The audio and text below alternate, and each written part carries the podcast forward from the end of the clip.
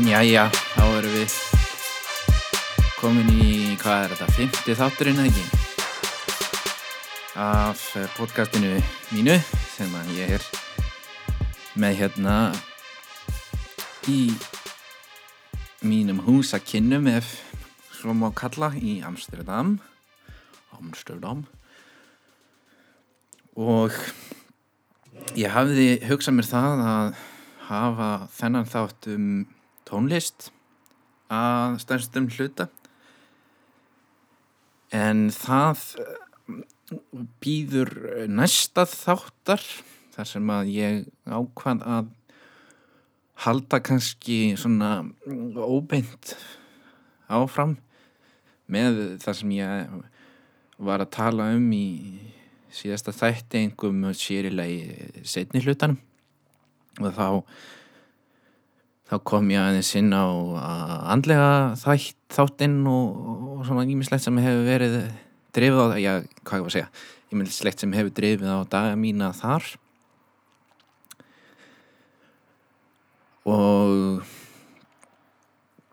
mér langar líka að uh, hérna svona taka einhverja svona vinkla á þetta með uh, í, þá í sambandi við það þessa hérna dvöl sem ég hef verið í verið í, var ég í dvöl eða ég dvel í, já, nefnitt og um, hérna úti í Hollandi. Og ég er að hugsa um að reyna að gera þetta með einhverjum hætti, vonandi sem skýmsamlegustum hætti. En áður en að lengra er haldið er ágætt að um, gera hérna svolítið. Jás Vitið hvað þetta var? Þetta var Björn Dagsins. Hann kemur hér. Hann er reyndar ekkert sérlega góður kandidat í það að fara í þetta glas þetta heitir sérbjóraglas og þetta er ekki sérbjór sem ég er að hella mér hér í glas. En við notum glasið og þannig að já um, þessi bjór er hollenskur að sjálfsögðu. Og dósin er rauð í meira lagi. Og hann heitir eftir á sem að er hérna í Amsterdam. Það er sem sagt Amstel. Pilsner. Pilse, Pilsener Pilsener ég kannski hérna leiðrétti eða þetta var svolítið ekki vittlust hjá mér en í þættinum þar sem ég var út í, í Sviss hjá Garðari þá var ég ekki alveg með þetta á hreinu en Pilsner er frá Pilsen og hann heitir Pilsen er þannig að ekki Pilsner heldur Pilsener. Og þessi stíl er þá uppurunin þar í Pilsen í Tjekklandi þannig að, þannig að nú er það komið á hreint. Og ég fekk mér eitthvað af þessum bjór hérna í september. Þá smakkaði ég svona, ég man ekki hvort að ég veit ekki hvort að þessi bjór hefur verið á Íslandi. Ég, ég þekki það ekki alveg en mér finnst eins og hann hafi verið það. En hann er það held ég ekki í dag. Ég er að, hérna, að fletta því upp sjáum hvort það kom eitthvað. Nei, hann er ekki bóði í, í mín búðunum í dag. En en, en, en um, mér finnst hann sko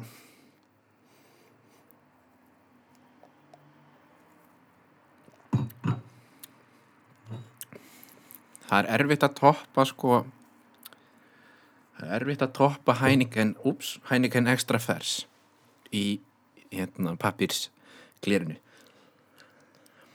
í svona semst í lagarbjóra vera. Og þessi kemst svona kemst, kemst hans í nálægt í sko að mér finnst hann betri heldur en Heineken úr dós. Og mér finnst hann þetta er náttúrulega bara massa framleitt dæmi eitthvað en en fyrir lagarbjór að vera finnst mér hann bara góður og ég myndi vilja sjá þennan bjór í vínbúðunum heima því að því að hérna þessast áldós því að hérna ég bara, mér finnst hann góður sko, með að við lagarbjór, hérna sem er betri heldur en hænikann sem er seldur heima. Ég held ég leiði mig bara fullir að það. Eða það er minn smekkur, ég get ekki fullirt neitt um eitthvað sem er huglægt mat. En allavega þetta er bjóru dagsins í dag. Hvað er þetta? þetta var annar, þriðji, fjóriði fimmt annar, þriðji. Nei, fyrsti. Já, ég man ekki nú með hvað hann er í rauðinni en allavega einhver stað fjögur fimm í rauðinni og já, það náttúrulega er svolítið langt síðan ég tók upp síðasta þátt og það er það eru nokkrar ástæður að þar að baki. Um, sem sagt vikunni eftir síðasta þátt þá skrapp ég þá vorum við sagt að klára eða ég kláraði þarna þegar ég tók upp síðasta þátt þá var ég búinn nýbúin að klára hérna Kaputin Sjörensprófið nú er það í höfn þess að einhvern kominn og ég er bara lukkulega með hana fjall sem þetta ekki. Og eins og ég sagði ég er í hissi ég fengi fatmengun og ég fekk það ekki. Þannig að ég bara ánaði með það og, og bara held að þetta hafi bara verið sangjörn einhvern sem ég fekk og ég hljóður svo smitt að fara nánorðið það. Um, uh, já. Og já þess að við vorum að klára ég var að klára þarna og síðan voru strákarnir í ændafenn í ekkert að frétta. Þeir voru þeir voru sérst, líka að klára þarna þessar sömu helgi próf og líka annar vinnu minn í, í, í Delt og við Delft Delt, Delft ft, ft, já. Og, og við sérst fórum hittumst allir í Eindhoven Eindhoven, Eindhoven og tókum svona bjórsmakk saman þar sem svona eitthvað klá, prófa klár við ég og það var við höfum reglulega í þessum bjórsmökkum, við erum í bjórfélagi flestir okkar sem að voru voru þarna statir sem heitir bjórfélagi Guðbjörður og var stopnað árið 2015 af mér og stórvinu mínum Þórði Allasinni sem að og við sér að Þórður hafi komið með hugmynd að því að um sumarið 2015 að við myndum hittast og smakka bjór bara svona einhvern veginn bjór bara svona prófa okkur áfram með þetta. Og síðan gerist ekkert meira með það. Við gerðum eiginlega ekki neitt í því. Og svo svo kem ég með þessa hugmynd við, við hérna Þórða við myndum bara stopna bjórsmakkfélag, bjórfélagið Guðbjartur. Og það var reyndar ekki, nafnið uh, var ekki komið á þeim tíma. Og það er svolítið skemmtileg saga að segja frá því af hverju hann þetta heitir Guðbjartur. En kannski, kannski koma inn á það eftir smá stund. Og úr verður að við söpnum saman í hóp og um, hvað vorum við margir? Við vorum tveir, þrýr, fjórir, fimm. Við vorum byrjum fimm og síðan hefur þetta aðeins breyst. Við, hef, við hefum haft það fyrir reglu að hittast á hálfsvarsfresti, taka jæfnvel dinner og svo fara, fara okkur yfir bjórsmækið og það hefur verið það hefur verið allt frá þorsknökkum yfir í nautalund sko og, og allt þar á milli sko sem hefur verið í, í matinn og hérna við höfum þá tekið svona að sumri og svo um jólinn því að það er náttúrulega geysilegt jólabjóra æði núna og, og hefur verið svona einhver, einhver síðustu ára, ég veit ekki það hefur náttúrulega, það er alveg, það er í hæstu hæðum núna sko, hefur aldrei verið herra þess að liðin jól og hvernig var þetta nú?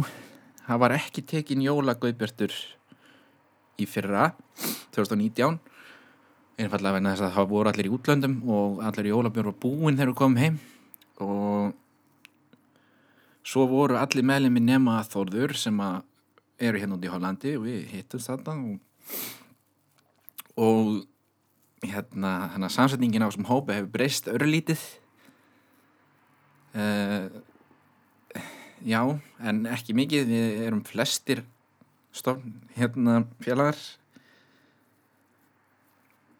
Ekki allir samt og það er svona mér sýnist stefni það það, að það verður tekin inn nýr meðlumur á þessu ári. Mér sýnist stefni það því að hann er svona eiginlega hann er svona eiginlega orðið meðlumur en það verður ekki verið það verður ekki verið rætt sko, það hefur bara þetta hefur bara verið svona hérna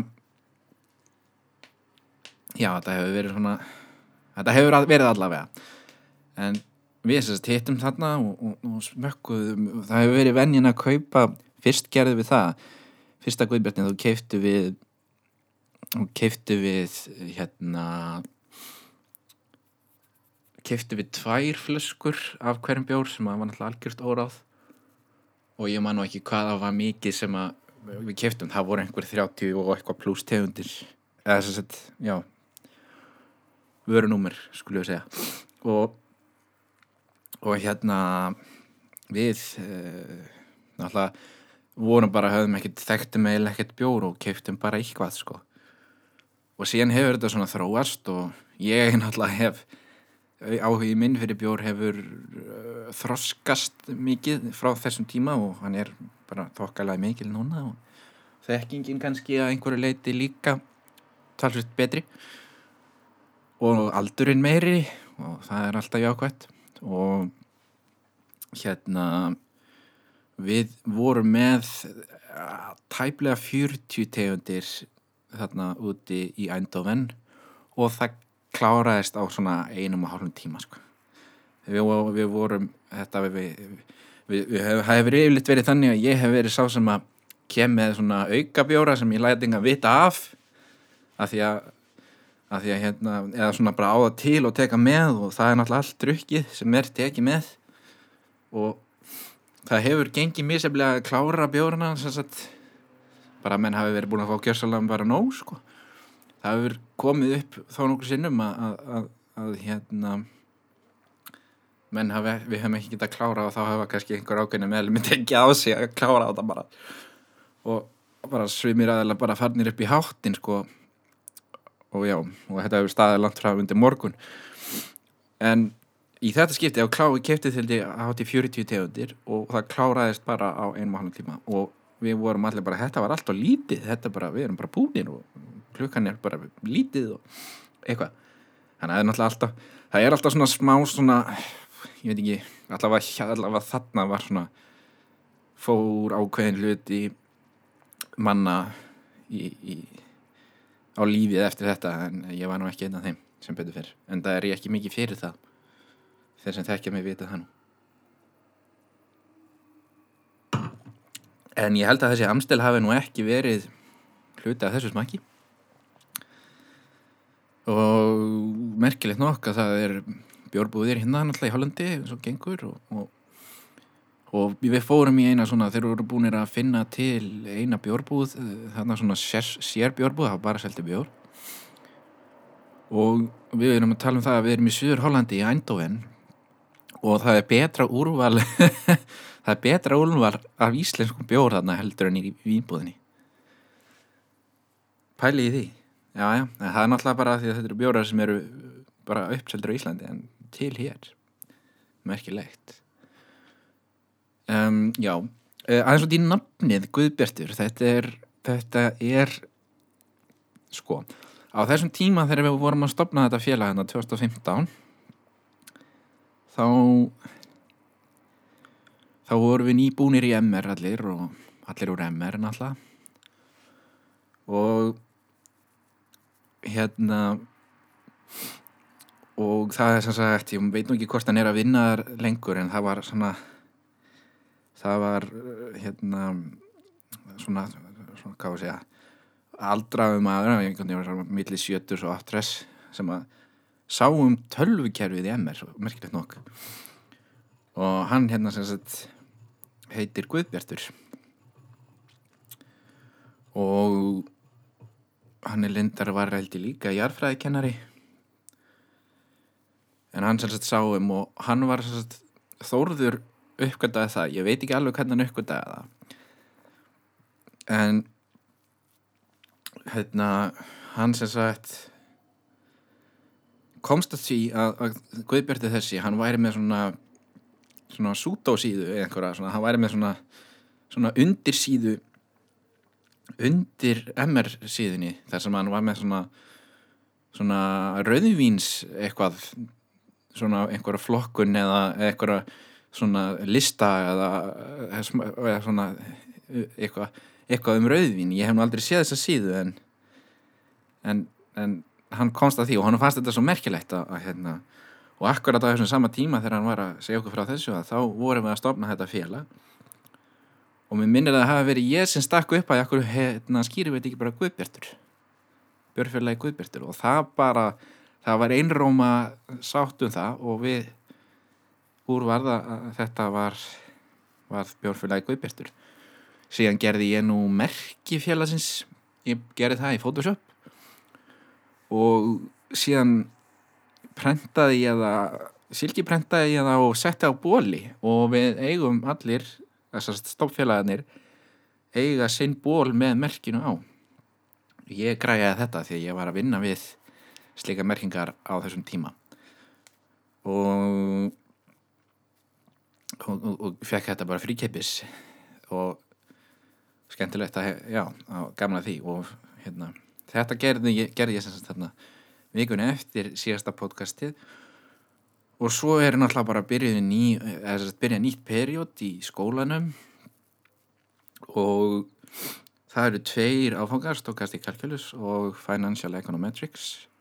Ég verði að segja það að Financial Econometrics byrja svona heldur uh, ég er, svona, ég er ekkert allt og mikið náhu á svona, já, þetta er svona soldið svona, já, ég hef aðeins unni með þetta áður í hérna Risk Management for Insurance and Pensions hérna í september og oktober en það eru svona, svona Financial Time Series sem við erum þá að eru einhverja vísitölur og, og, og við erum okkur gefin gefin gögn sem sagt kannski frá 1977 til 2019 eða eitthvað. Og það sem við eigum að búa til sagt búa til hérna mótel sem að líka eftir hegðun þessara, þessara vísitalna eða getur verið bara verða á hlutabrefum eða verða á einhverju, einhverju, einhverju ákveðnu einhverju ákveðnu verðbrefi eða eitthvað. Og og svo eitthvað möndl með það og, og, og svona ég er þetta er svona já, já, þetta er alltaf lægi ég er, ég er að vonast þess að fara að koma eitthvað meira fút í þetta sko, því að mér finnst þetta svona ég veit alveg um skemmtilegri hluti, ég getur sagt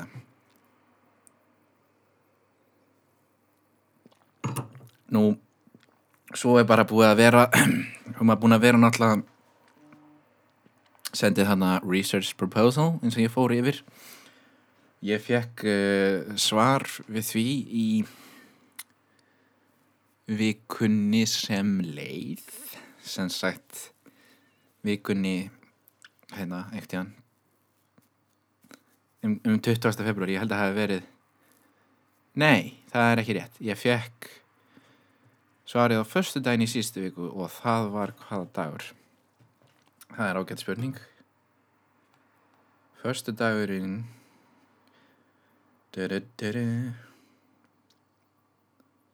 fjórtanda já, á valentínsdaginn. Fjórtanda februar fekk ég semst útlitaði leðbyrnanda og það var leðbyrnandi sem ég áhanskaði eftir þannig að ég gerir ráð fyrir að þetta hafi verið nógu vel unnið og nógu vel framsett og nógu áhugavert rítgerðar efni eða umfylgjarnar efni til þess að vinna með þannig að ég er að fara að hitta hann á þriðu daginn 20. og 5.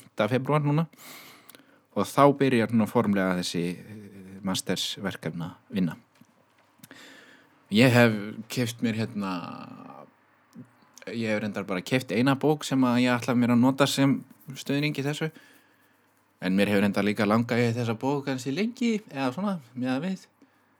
Og það er mitt GLMs með hérna dæmum í R stúdíu eða R, hugbúnaðinum R sem ég hef nú kannski komið inn á áður. Í þessu podcasti. Nú það er kannski ágætt að snúa sér það núna að því sem ég var að var að gæla við að fjalla um í þessum þætti. Það er það er, það er það er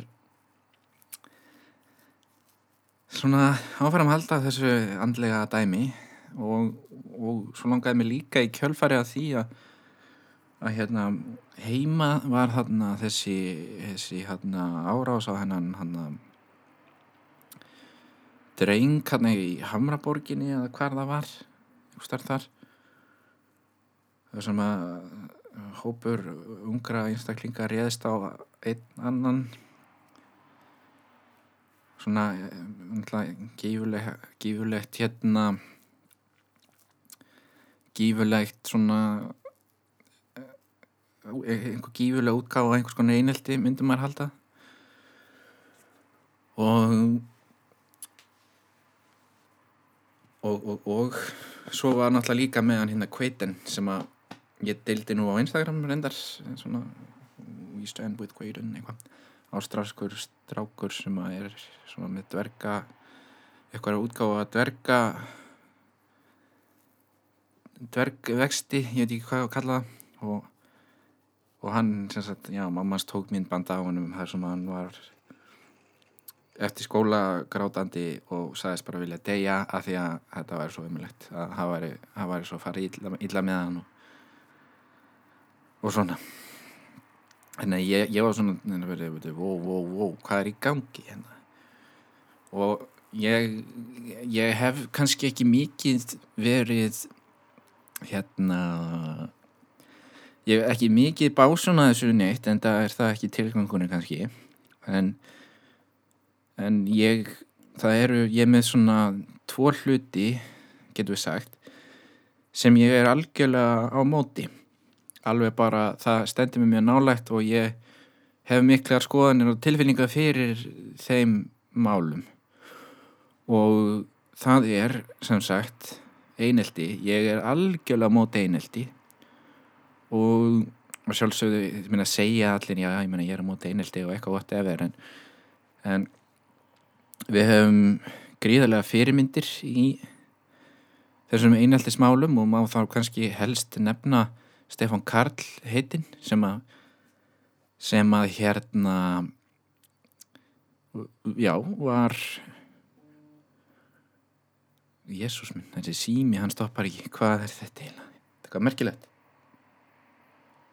Já, þetta var nú reynda merkilegt en fyrir ekki út í það. En hérna svona fyrir þá sem vita þá var ég að fá hunda, hundamynd senda. Já. Og ég hérna sem sagt já, ég brenna mikið fyrir því. Ég er á móti einelti. Og svo er það líka annað. Ég er algjörlega á móti sjálfsvígum. Og ég tel um, ég tel hérna hvað, nú minnst ég hvað ég ætla að segja, já, ég er þess að hérna ég, ég mikið að mikið talsmaður þess að, að fólk leiti sér aðstóðar í staðin fyrir að skada sjálfa sig og mögulega fremja sjálfsvík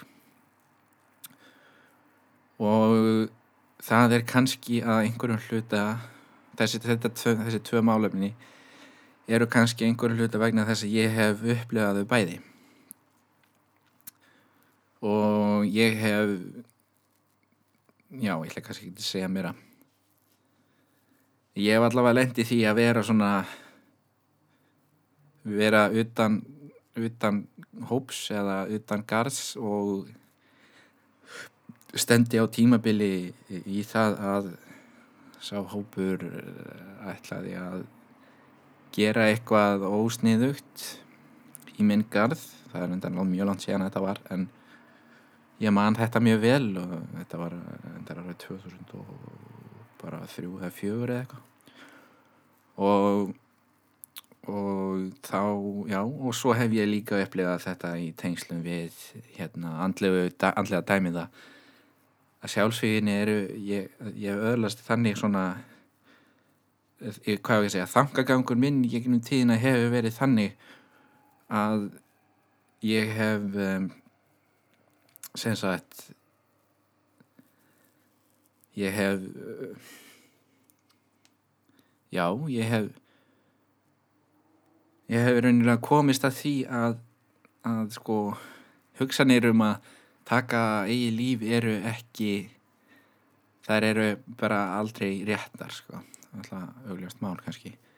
En ég er til dæmis mikil, ég er mikil fylgist talsveit með hérna Pieta samtökunum sem eru sem sagt sem eru svona fórvarnastar gegn sjálfsvíðum og fórvarnast, nei og hérna sjálfsvíður nú eru hvað við segja ungir karlmenn. Það er að svo kategórar sem ég fell í með mitt eru áhættahópur þegar kemur að sjálfsvíðum og ég ætla bara að segja það að gefinni reynslu að fenginni reynslu verður réttir að segja að þá kemur það mér ekkit á óvart og ég þekki til dæmis tiltölulega nálægt mér í í, í, í, í hvað að segja fjölskyldurhingnum að þannig séð. Þar sem að einstaklingur endaði með því að taka í líf og ég fór í jarðaföruna hjá honum og ég fór að há grenja í henni. Ég bjóst ekki við því en, en það gerðist. Og ég þekkti hennan einstakling en ég þekkti hann ekki neitt mikið en, en, en ég vissi hver hann var hefði oft, hefði oft hitt hann og en ég var, ég var ekki þannig samskipti við hann að að ég væri svona, já, að, að, mér, þetta var mér aðskaplega erfitt og að bara, og flerum í fjölskyldinni náttúrulega. Og, og hérna minningin um þennan einstakling lifir náttúrulega mikið og, og það er kannski sérstætt mjög sérstætt dæmi sem að, sem að er um að ræða þannig en, en þetta gerist og síðan fer ég í þessa, þessa andlegu krísu þarna 2016 sem að ég ætla ekki að segja eins í lóki en, en ég ætla heldur ekki að segja eins og ég kom inn á í síðasta þetta að hún sé einhverju algjöru hámarki núna, hún er bara henn er bara góðan í og góðan farfi og, og ég hef það bara á gætt sko.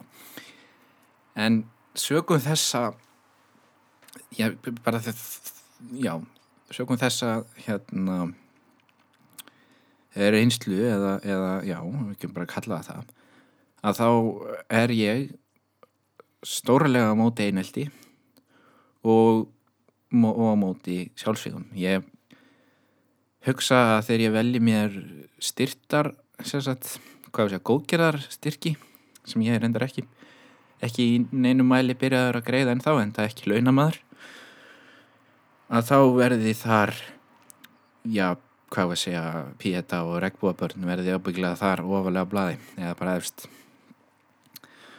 Og þessu tengt uh, væri gaman að nefna uh, fordóma. Ég myndi ekki segja að ég væri fordóma fullu maður þannig séð. Ég hef vissulega skoðinir á ímsu en en ég get ekki sagt að til dæmis eins og eins og hérna þetta var í bandaríkjunum og svona svart fólk mátt ekki fara í strætó með með vennilögum kvítum bandaríkjumönnum og þeir þurft að fara á öðru sér klósett og það er náttúrulega bara eitthvað bilun sko. En samt sem áður að þá eru þessi fordómar enn til staðar bara í heiminum. Og kannski ágætt að nefna það að kveitin sem að, sem að hérna, var með dvergs dvergs hérna útlitið og, og, og, og vildi bara deyja að hann er líka svona svolítið dökkur yfirlitum. Og ástralir eru þeir ekki flestir kvítir, ég held það. Og mér það getur vel hafa spilað inn í hann var hann dökkur og hann er dvergvaksinn og hann er öðruvísin aðrir og og það er bara, er bara honum er, hann er, hann er látið finna fyrir því sem er náttúrulega algjörlega bara út úr korti. Og þannig að ég sérstaklega ég hugsaði ef maður er á Íslandi þá er svo, veist, það er ekki mikið tilitmi til þess, maður sér jú, jú, maður sér kannski Asíbúa og maður sér einhver, eitthvað svona svart fólk og, og, og eitthvað. En það er ekki eins og þú sérst að sjá það bara á hverju götuhonni það er alls ekki þannig. Hérna í Hollandi já, eh, kannski kemur það þetta að þar að leiðandi er maður kannski minna að hugsa um það og kannski hefur ekki lett sér að velta því fyrir sér hvort að maður hafa eitthvað á móti því. Það eru ákveðin hópur af fólki á Íslandi sem að sem að er algjörlega á móti þessu innflytjanda dæmi auðvita kom sírena eða að lefuna líða hjá?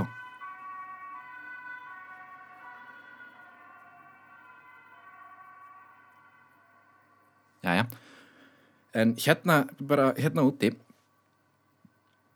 þá hefur maður þurft að þurft, þá bara þá hefur það verið þannig að bara það er allstaðar bara fólk sem er ekki hollendingar og eru ekki ekki einn svona eurubúbúar, eða þú veist í grunninn, hvað þeir það er aðflutt frá veist, einhvern múslimaríki eða það er aðflutt frá Afríku eða Söður Ameríku eða eða, já, eða Asíu þess vegna eða eitthvað. Og það er bara mjög mikið að þannig fólki sérstaklega sem notar almenningssangungur og, og þannig fólk í skólanum líka og, og allt svona. Og maður, maður hefur svona maður hefur orðið svona sérstaklega fyrst þá var maður svona þá fóð maður svona að hugsa já ok, ég hef ekki, ekki upplegað þetta áður en þetta er bara, þetta er bara svona sérstakt og öðruvísi og, og hérna ég, ég hérna ég bara pæli ekki því sko en, en uh, og þetta er bara hefur neðilegast til hlutur og, og hefur sjálfsæðasta mál þannig lagað. Hérna verðist allavega held ég ég hef ekki orðið varfið neitt eða, eða heyrta neinu svona kynþáttahatri eða, eða fordómum hér. Þó eru auka hægri flokkur hérna í Hollandi undir stjórn að minnstu kosti síastriðis í Gjart Wilders sem að var farin að honum var farið að vaksa ásmegin hérna allavega í svona einhvern tíða núna í setni tíð og ég man ekki hvaða ár það var það er bara ekki langt síðan. Og hann er eflust ennþá við lí eða sérst hann er sérst væntalega ennþá við starfnar væntalega ennþá við stjórnmál hér ég hef nú ekki sérstaklega fylst með því en, en það var, var fréttaefni hérna einhvern tíman og auka hæri flokkur í Hólandi sem að væri á móti svona löguðu sagt, fólki og innflytendum og, og öllu svona væri þess að vaksa ásmiðin en, en ég held að það hafi kannski bara dala ég þekki það ekki alveg en, en, ég, en ég hef allavega ekki heyrt nýtt um það nýtt alveg í sko nánastu fortíð sko. Eða þetta var vissulega hérna 2016 og 17 eða 18, ég manna ekki.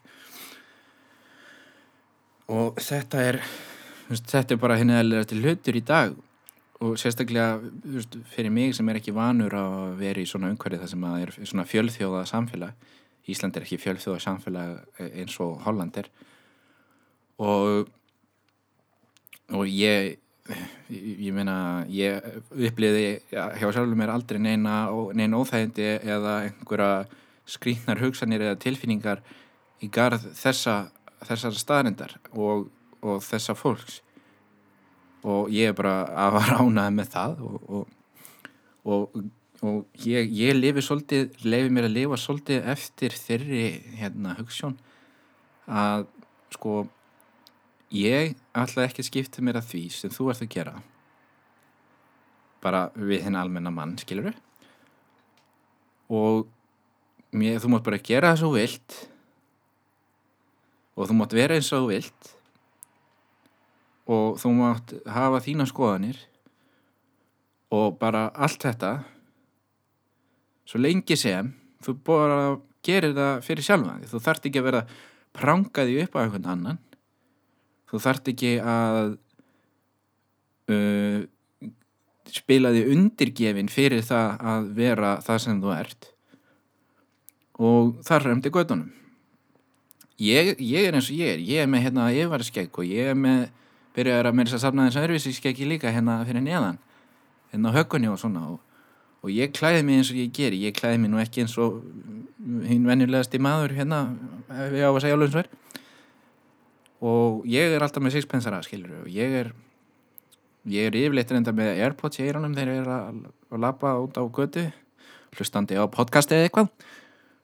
Og ég bara ætlast ekki til þess að nokkur maður, maður gerir aðtóasemt við það eða hafi skoðun á því, hann má alveg gera það.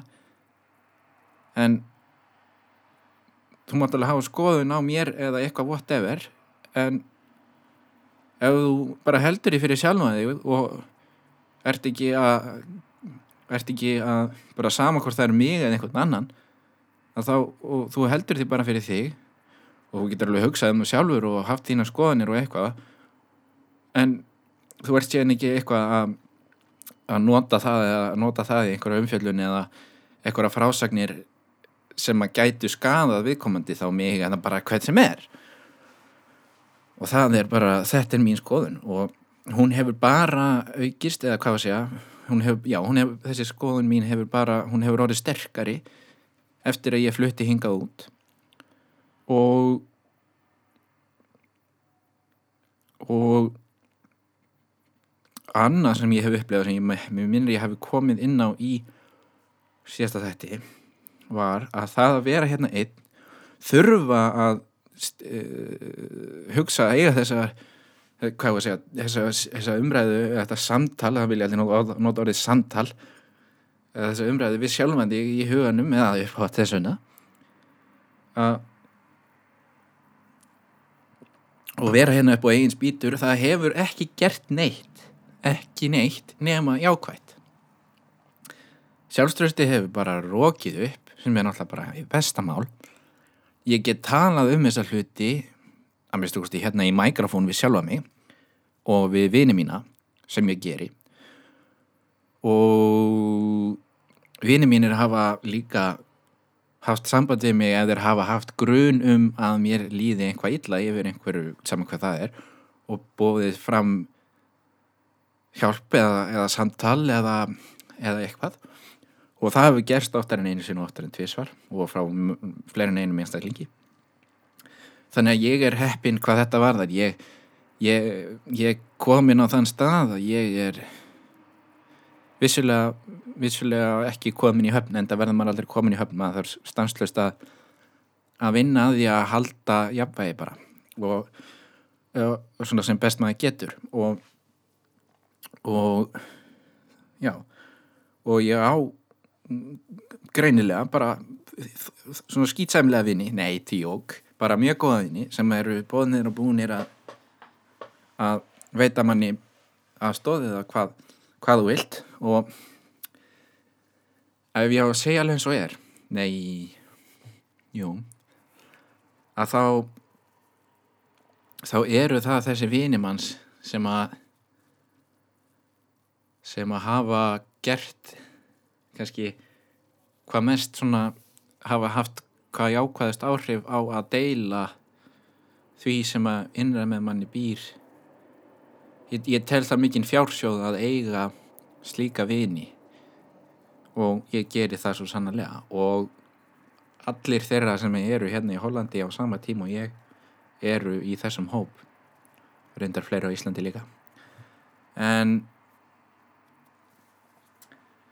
um, og þetta þetta gefur manni mikið og þeir eru þeir alltaf fyrir utan foreldra og, og þetta að þeir eru þeir eru eiginlega mikilvægast að fólki í lífinum hans myndi ég segja að verið mér rosalega gott að ég er góð vini. Og þetta kemur ekkert að sjálfu sér maður, maður þarf kannski að vinna fyrir því eða, eða byggja upp slík sam, vinasambönd. Og ég held að ég, mér hafi bara tekist vel til með það og, og, og mér hafi valist til hinn er allsæmilegustu einstaklingar sem að þú gætir fundið til þess. Uh, ég myndi segja að þetta sé bara svona eins og fríkipis sálfræðtími ég hef nú farið í þá nokkra. Ekki fríkipis en, en ég hef farið í svoleiðis tíma og þetta er bara mjög svipað. Og oft vita þeir líka meira um manns hægi, maður þarf ekki að segja þeim jafn mikið og þeir vita fórsöguna miklu betur og, og, og allt þar hann fram til guðun. Ég myndi segja að, að svona vinskapur hann kemur ekki endilega vissulega kynntist ég öllum þessum einstaklingum í mentaskólanum í Reykjavík en á þeim tímapunkti þegar við vorum í mentaskólanum í Reykjavík þá voru þeir kannski ekki ekki alveg allir og ekki að eins miklu leiti svona, svona maður átti ekki svona samskipti við þá bara aldrei þannig að vissulega getur maður kynst vinum til frambúðar í skóla en, og það gerði ég en sambandið það næri yfir litt það, það þroskast og, og öðlast svona hvað við segja uh, þróunin og það jákvæða í hérna í því að vera með góða vini eða góða vini er, það er ekki tengt skóla, auðvitað ekki, en þó svo maður kynnist fólk einhverstar, að þá hef ég leiðir okkar til, til dæmis, ef ég tek bara sem dæmi þeirra sem er hérna með mér úti, að þær lágu ekkert saman í námi eftir, eftir eh, metaskólinn Reykjavík, alls ekki. Einhverju fóru þangað og einhverju fóru ekki í MR en einhverju fóru í e, e, eitthvert og aðrir fóru eitthvað aðeins öðruvísi og svo fór ég eitthvað allt annað. Og en samt eru þeir ennþá mínir bestu finnir og sennilega, já, gamna, gamna talenda og, og hérna þeir eru náttúrulega bara ólíkir eins og þeir eru margir og og Já, og ég vona að þeir geti líka þá séð sér fært um að leita til mín ef, ef eitthvað bjátar á eða bara vilja eitthvað að ræða málinn og það reyndar er alveg nákvæmlega málið, það er bara það. Og þeir gera það líka. Og ég hérna ég er bara mjög ánæðið með það og þetta held ég sé mjög mikilvægt og, og, og, og ég held að ég held að ég held að hérna ég, ég, ég sé ekki sko, ég sé ekki mikilvægari sko einstaklinga í lífi einhvers annars einhvers ákveð sem bara mín heldur en þessa vini og, og fjölskyldu. En ég, veist, ég er ekki að ræða um þessi málefni við frængu mína eða, eða afa eða eitthvað. Því að það, ég veit að það myndi bara það myndi ekki alveg virka. Og jújú, jú, einhverju vita eitthvað og svona en, en dítelanir eru náttúrulega bara hjá fóröldunum hans og vinum hans og svo just, eina, eina personan í viðbót sem gæti mögulega bæst í hópin fyrir utan að ef, ef við tölum ekki um vini eða svoleiðis það liggur eiginlega auðvum uppi að það sé þá betri helmingur. Og slíkan er ég ekki með. Og ég á bara eftir að sjá hvernig hérna slíkur betri helmingur myndi taka á svona málum. Ég bara náttúrulega ef að viðkomandi ef að viðkomandi betri helmingur væri kýper þar sem við kallum eða við, nei, bara ég segi svona eins og kallað er. Einhver sem að myndi, sem að myndi hérna já, setja bæta, hérna stækka summuna allverulega að þá er það einstaklingu sem þarf að geta hlustað á mann og maður þarf að geta hlustað á hann og það þurfa að vera það þurfa að vera samræður og, og, og samskipti algjörlega fyllteslaus og og algjörlega á nokkura hindrana eða, eða tregð, á nokkura tregðu. Og það held ég að sé stór þáttur í í svona löguðu ef að svona laga þá geta gengið upp. Og og já, þannig ég á bara eftir að sjá hvort að eitthvað slíkt geti gengið upp.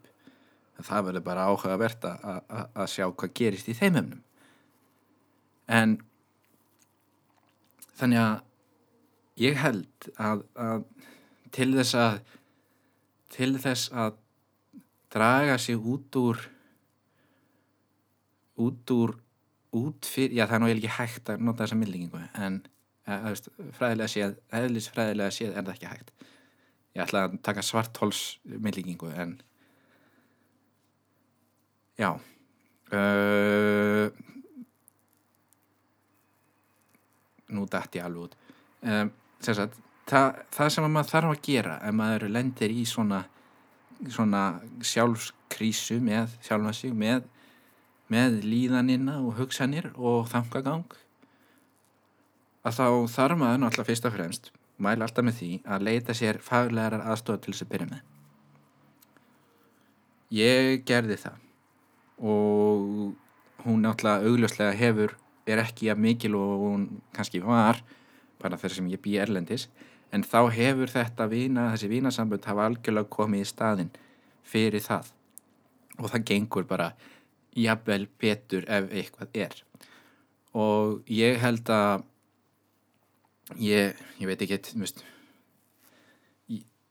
nú er það bara misjant eftir, eftir fólki en ég er allavega mjög heppið með þetta og, og býð ekki um neitt meira nema kannski fleiri vini skilur ef, ef einhverju vilja bætist í hópin og, og koma í, í, í spjall sko, þá, þá er ég game sko. Uh, já ég segi svona þetta var nú kannski sláttur á léttari strengi en hérna já já.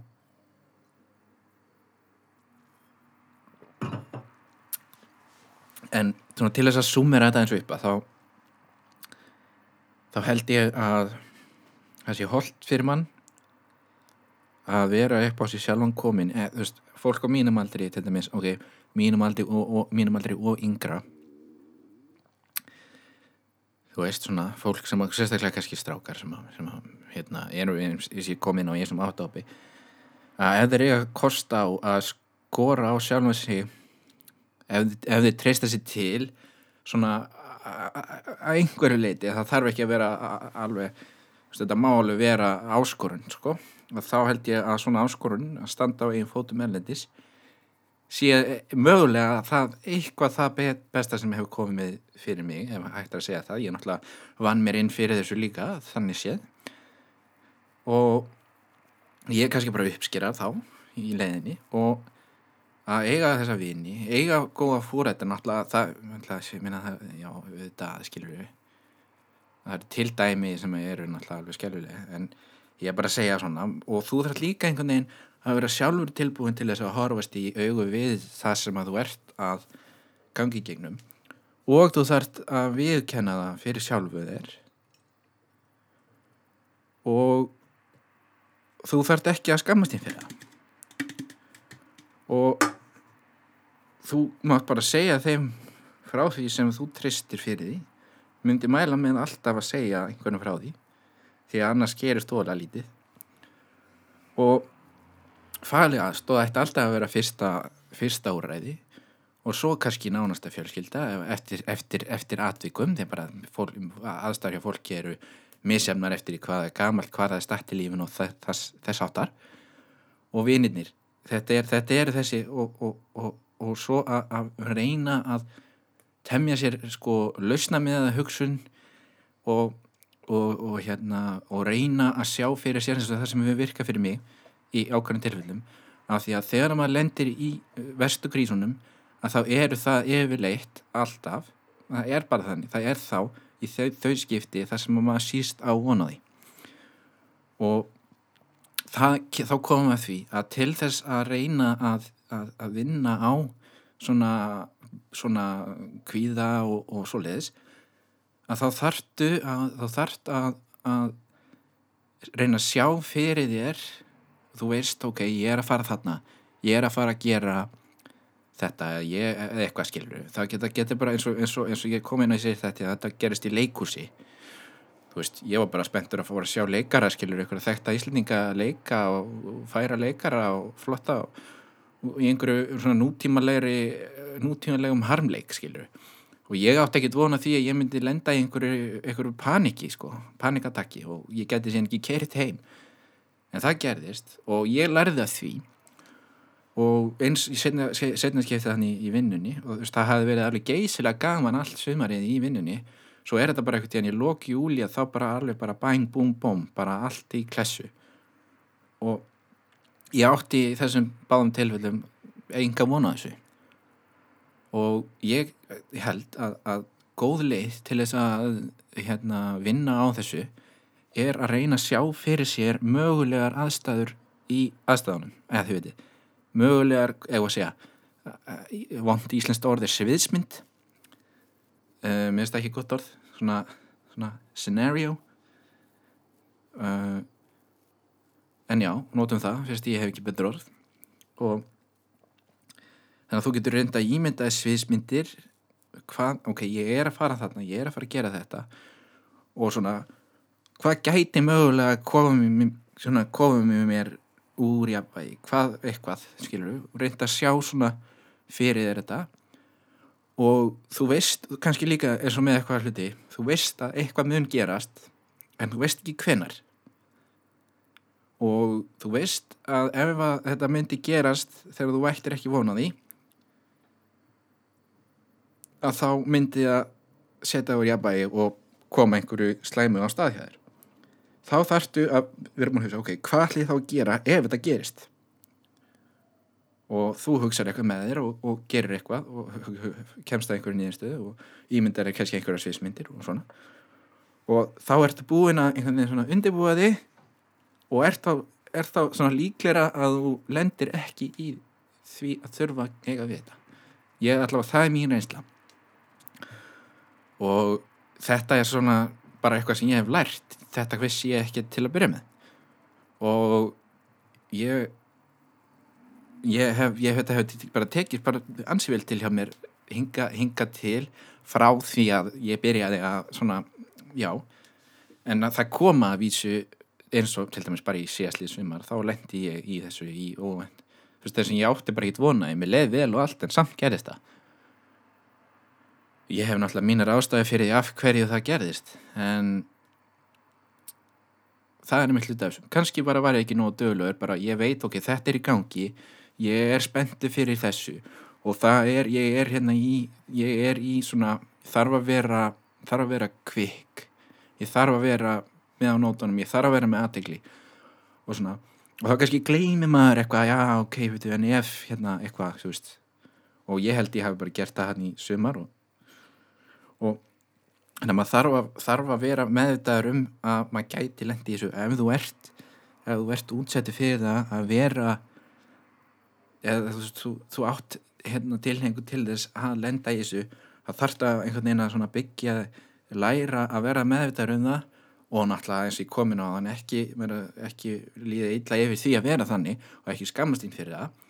Og, og vera bara, þú veist, þú ert bara eins og þú ert og það er bara, það er bara fínt. Og það er bara flott. Og og hérna og þetta, þetta eru svona það sem ef ég ætti að koma með einhver ráð af minni reynslu þá er þetta það sem mér dætt fyrst í hug. Og og þetta er svona kannski fjörða elementi það eru, eins og ég kom inn á, það er fæli aðstóð, það er fjölskylda það eru vinir og svo þarf þú sjálfur að eða svona læra á hvernig það virkar og læra hvernig þú getur komið eh, lámarkað líkunar á því að það hafi slæm áhrif fyrir og það er náttúrulega bara mísend hvað það er sem hrjái menn og konur í svona sem að eru viðkvæm fyrir þessu. Og ég, ég hef mínar ég hef mínar aðferðir ég hef mínar ég hef mínar, mínar veikupunta það er ekki það sama hjá neinum öðrum sennilega. Það er alltaf einhverja varjusvinnir og svo er kannski annað í þessu að að minna sig á það að ef þú ert ekki búin að gera eitthvað sem að þú ætlaði að vera búin að gera. Og ef þú eða ef þú, ef, ef þú ert vist að þú ert ekki sinna einhverju nógu vel eins og þú helst ættir eða vildir vera að gera. Þá er fyrst á, áður en að þú leifir þessu að ná heljar tökum á þér þá þarftu að áttaði á því og reyna að samfæra þig um það að ástandi er ekki jafn slemt og heldur. Það er oftast hannig og ég hérna ég hef svolítið verið að vinna með þetta líka og það hefur það, það hjálpar mjög mikið til. Og ég myndi mæla eindrið með þessu líka. Nú sumir segja svo við byrjum nú með þessa, þessa setningu á því að mataræði hafi mikil áhrif á til dæmis þetta andlega, andlega líðan. Já já, ég get alveg tekið inn í það. Um, ég meðvitað og ómeðvitað kannski. Ég er alltaf að segja, ég hef yfirleitt alltaf bara borðað vennilegan mat eins og, eins og þekkist uh, ef við tölum bara í gegnum lífið. Bara frá því að ég var lítill frá þanga til bara eitthvað 2000, 2000 og hvað var það 2016, 17 17 kannski. Þá byrja ég alltaf ég mér að fara svona svolítið meira í svona paleo átt og vinna með það. Síðan alltaf kom þessi lofslagsvá og spurningin um saminskuna og allt það. Og ég kom inn á þessi þetta ég er búin að breyta mataræðinu mínu og ég, ég get sagt að það hefur alls ekki tæft einn slæm áhrif en ég held ég hef samt ekkert tekið eftir einhverjum drastískum jákvæm áhrifum heldur. Bara þetta er allavega ekki, ekki skema til og samvinskan er betri fyrir vikið. Þannig að jú, þetta er að hjálpa til. Um, það er að ég borða sem sagt núna, nú er ég að þannig að ég borða plant-based 6-7 vikunar sem að ég er bara mjög ánægði með og ég bjóst, e, e, ef þú hefði spurt Helga í, fyrir árið síðan, þá hefði ég bara hleyjað þessu Muna þess að ég var svo mikil anti-veganisti að það var ekki fyndið. Allt í lagi með það, það var bara mín skoðun þá og ég, ég bara hafði hérna, já bara hafði þessu skoðun og, og gott að blæsa með það. Ég bara sátti við Helga sem var þá, ég meina hann var að sækja um að komast inn til Hollands og eitthvað og meina gott að hann gerði það. Gott að hann væri ekki einhverju fílu yfir því að vera að geta vegan í, í leðinni sko. En að ég er að en Helgi í dag, hann er að, hann er að borða plant-based á alla daga vikuna nema einn og og ég reyni að hafa ég kaupa aldrei núna, ég kaupa ekki kjúkling ég kaupa ekki svínakjött ég kaupa ekki nánast ekkert nautakjött nema bara svona einhverja præm bita og það er mjög sjaldan sem ég fæ með það. Og svo myndi ég hveti að fólk eða vil borða kjöta að fara þá í vilda, vilda fugglategundir og vild, vild dýr ef það vil fara í þá, þá átti ekki, ekki fara út í búið að kaupa í svínalundi eða svína eitthvað. Ekki fara og kaupa í kjúkling eða kalkun eða, eða, eða bacon eða eitthvað svona. Veist, það, er bara, það, er bara, það er bara ekki gott sko. þetta er alltaf mín, mín skoðun og ég hef hana, ég er svona ég er búin að varpinni hérna fram en ég er ekkert að pranga henni upp á neitt ég er ekkert að ég er ekkert að pota í hérna hérna, hvað var það að segja til dæmis Djó hérna á hæðinni hann er alltaf að borða skyndibita. Og panta sér alltaf eitthvað og það er alltaf bara eitthvað svona, bara hitt og þetta skilur það er sushi, ég er ekkert ámútið sushi. Og fiskir, fiskur já tökum það sem dæmi, fiskur líka fiskur er alveg frábær matur, frábær matur. Og og hérna og hann, já, og þú veist, stundum er hann bara með eitthvað svona, þú veist, sveitt dæmi ég er ekkert að segja við hann bara, gaur, ég er hérna vegan, veist ekki hvað veist, ekki, ég er bara hérna vegan maldi, hérna hvað hvað er þú að geta eitthvað svona eitthvað svona síðlust fæði, hérna eitthvað ég er ekkert hann og þetta bara rýmar algjörlega við skoðun mína og hugssjón hann veri ekkert að pranga þessu upp á einhverja aðra. Ég er bara að segja frá þessu hérna í podcastinu ég er ekkert að hvetja þig sem er að hlusta á að gera þetta eins og ég þú mátt bara gera þetta eins og þú vilt. En þetta hefur lægt sitt að mörgum til að hjálpa í stóra samhenginu fyrir no, fyrir mína andlega líðan og náttúrulega kannski líkanlega þá líka. Mér, mér er, mér er ég, ég er bara mjög hraustur einstaklingur myndi ég segja. Og, og hef raunulega aldrei aldrei upplifa neina óutskýrða króniska verki út af einhverju eða eitthvað svolítið og þannig að, þannig að þetta hefur virkað fyrir mig. Mér langar að segja þessa sögu, andlegu sögu meira. Og koma inn á þetta með einelti að þetta er, þetta er alveg óafsakanlegt. Og, og sjálfsvík ættu sjálfsvíks hugsanir eru þú, ef þú ert í einhverjum slíkum pakka þá þartu að reyna að losna út úr þeim pakka alveg eins og skott það bara gengur ekki að, að vera í svona, svona pakka ég ég held að, að hérna ég held að, að, að það séu kannski fleiri en maður heldur sem að eiga sem að fá svona hugsanir. Ég, ég, ég held það. Og þetta er náttúrulega augljóslega ekki sínilegt en, en þetta er veruleikin sem við búum í og við þurfum einhvern veginn að reyna að gera hann betri við þurfum að minga fordóma. Við þurfum að útrýma einelti og útrýma fórtumum bara en það verður náttúrulega aldrei gert.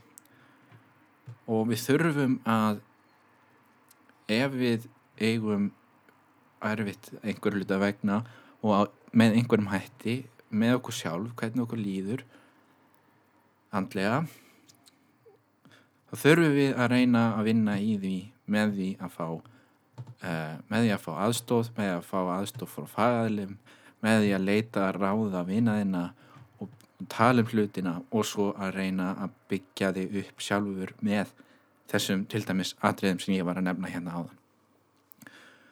Og ég ætla kannski ekki að tala mikið meira um þetta en, en þetta er það sem ég vildi koma meira framfæri við ykkur með þetta andlega dæmi og, og hvordóma, sjálfströst uh, einelti bjórdagsins amstel. Pilsen er frá Hollandi reyndar en ekki Tjekklandi og já, nú ég glemdi í síðasta þætti þá glemdi ég að fara yfir veðrið. Ja, það var bara að segja að það var svo mikið að vera hjá mér að ég bara glemdi en eh, eins og ég skrifaði í lýsingu það, síðast að það skiptaði lengur máli því það er búið að vera eins í janúar og februar það er búið að vera bara freka kallt yfirleitt vindur hérna í Amsterdam að því að við erum svo nálat sjónum.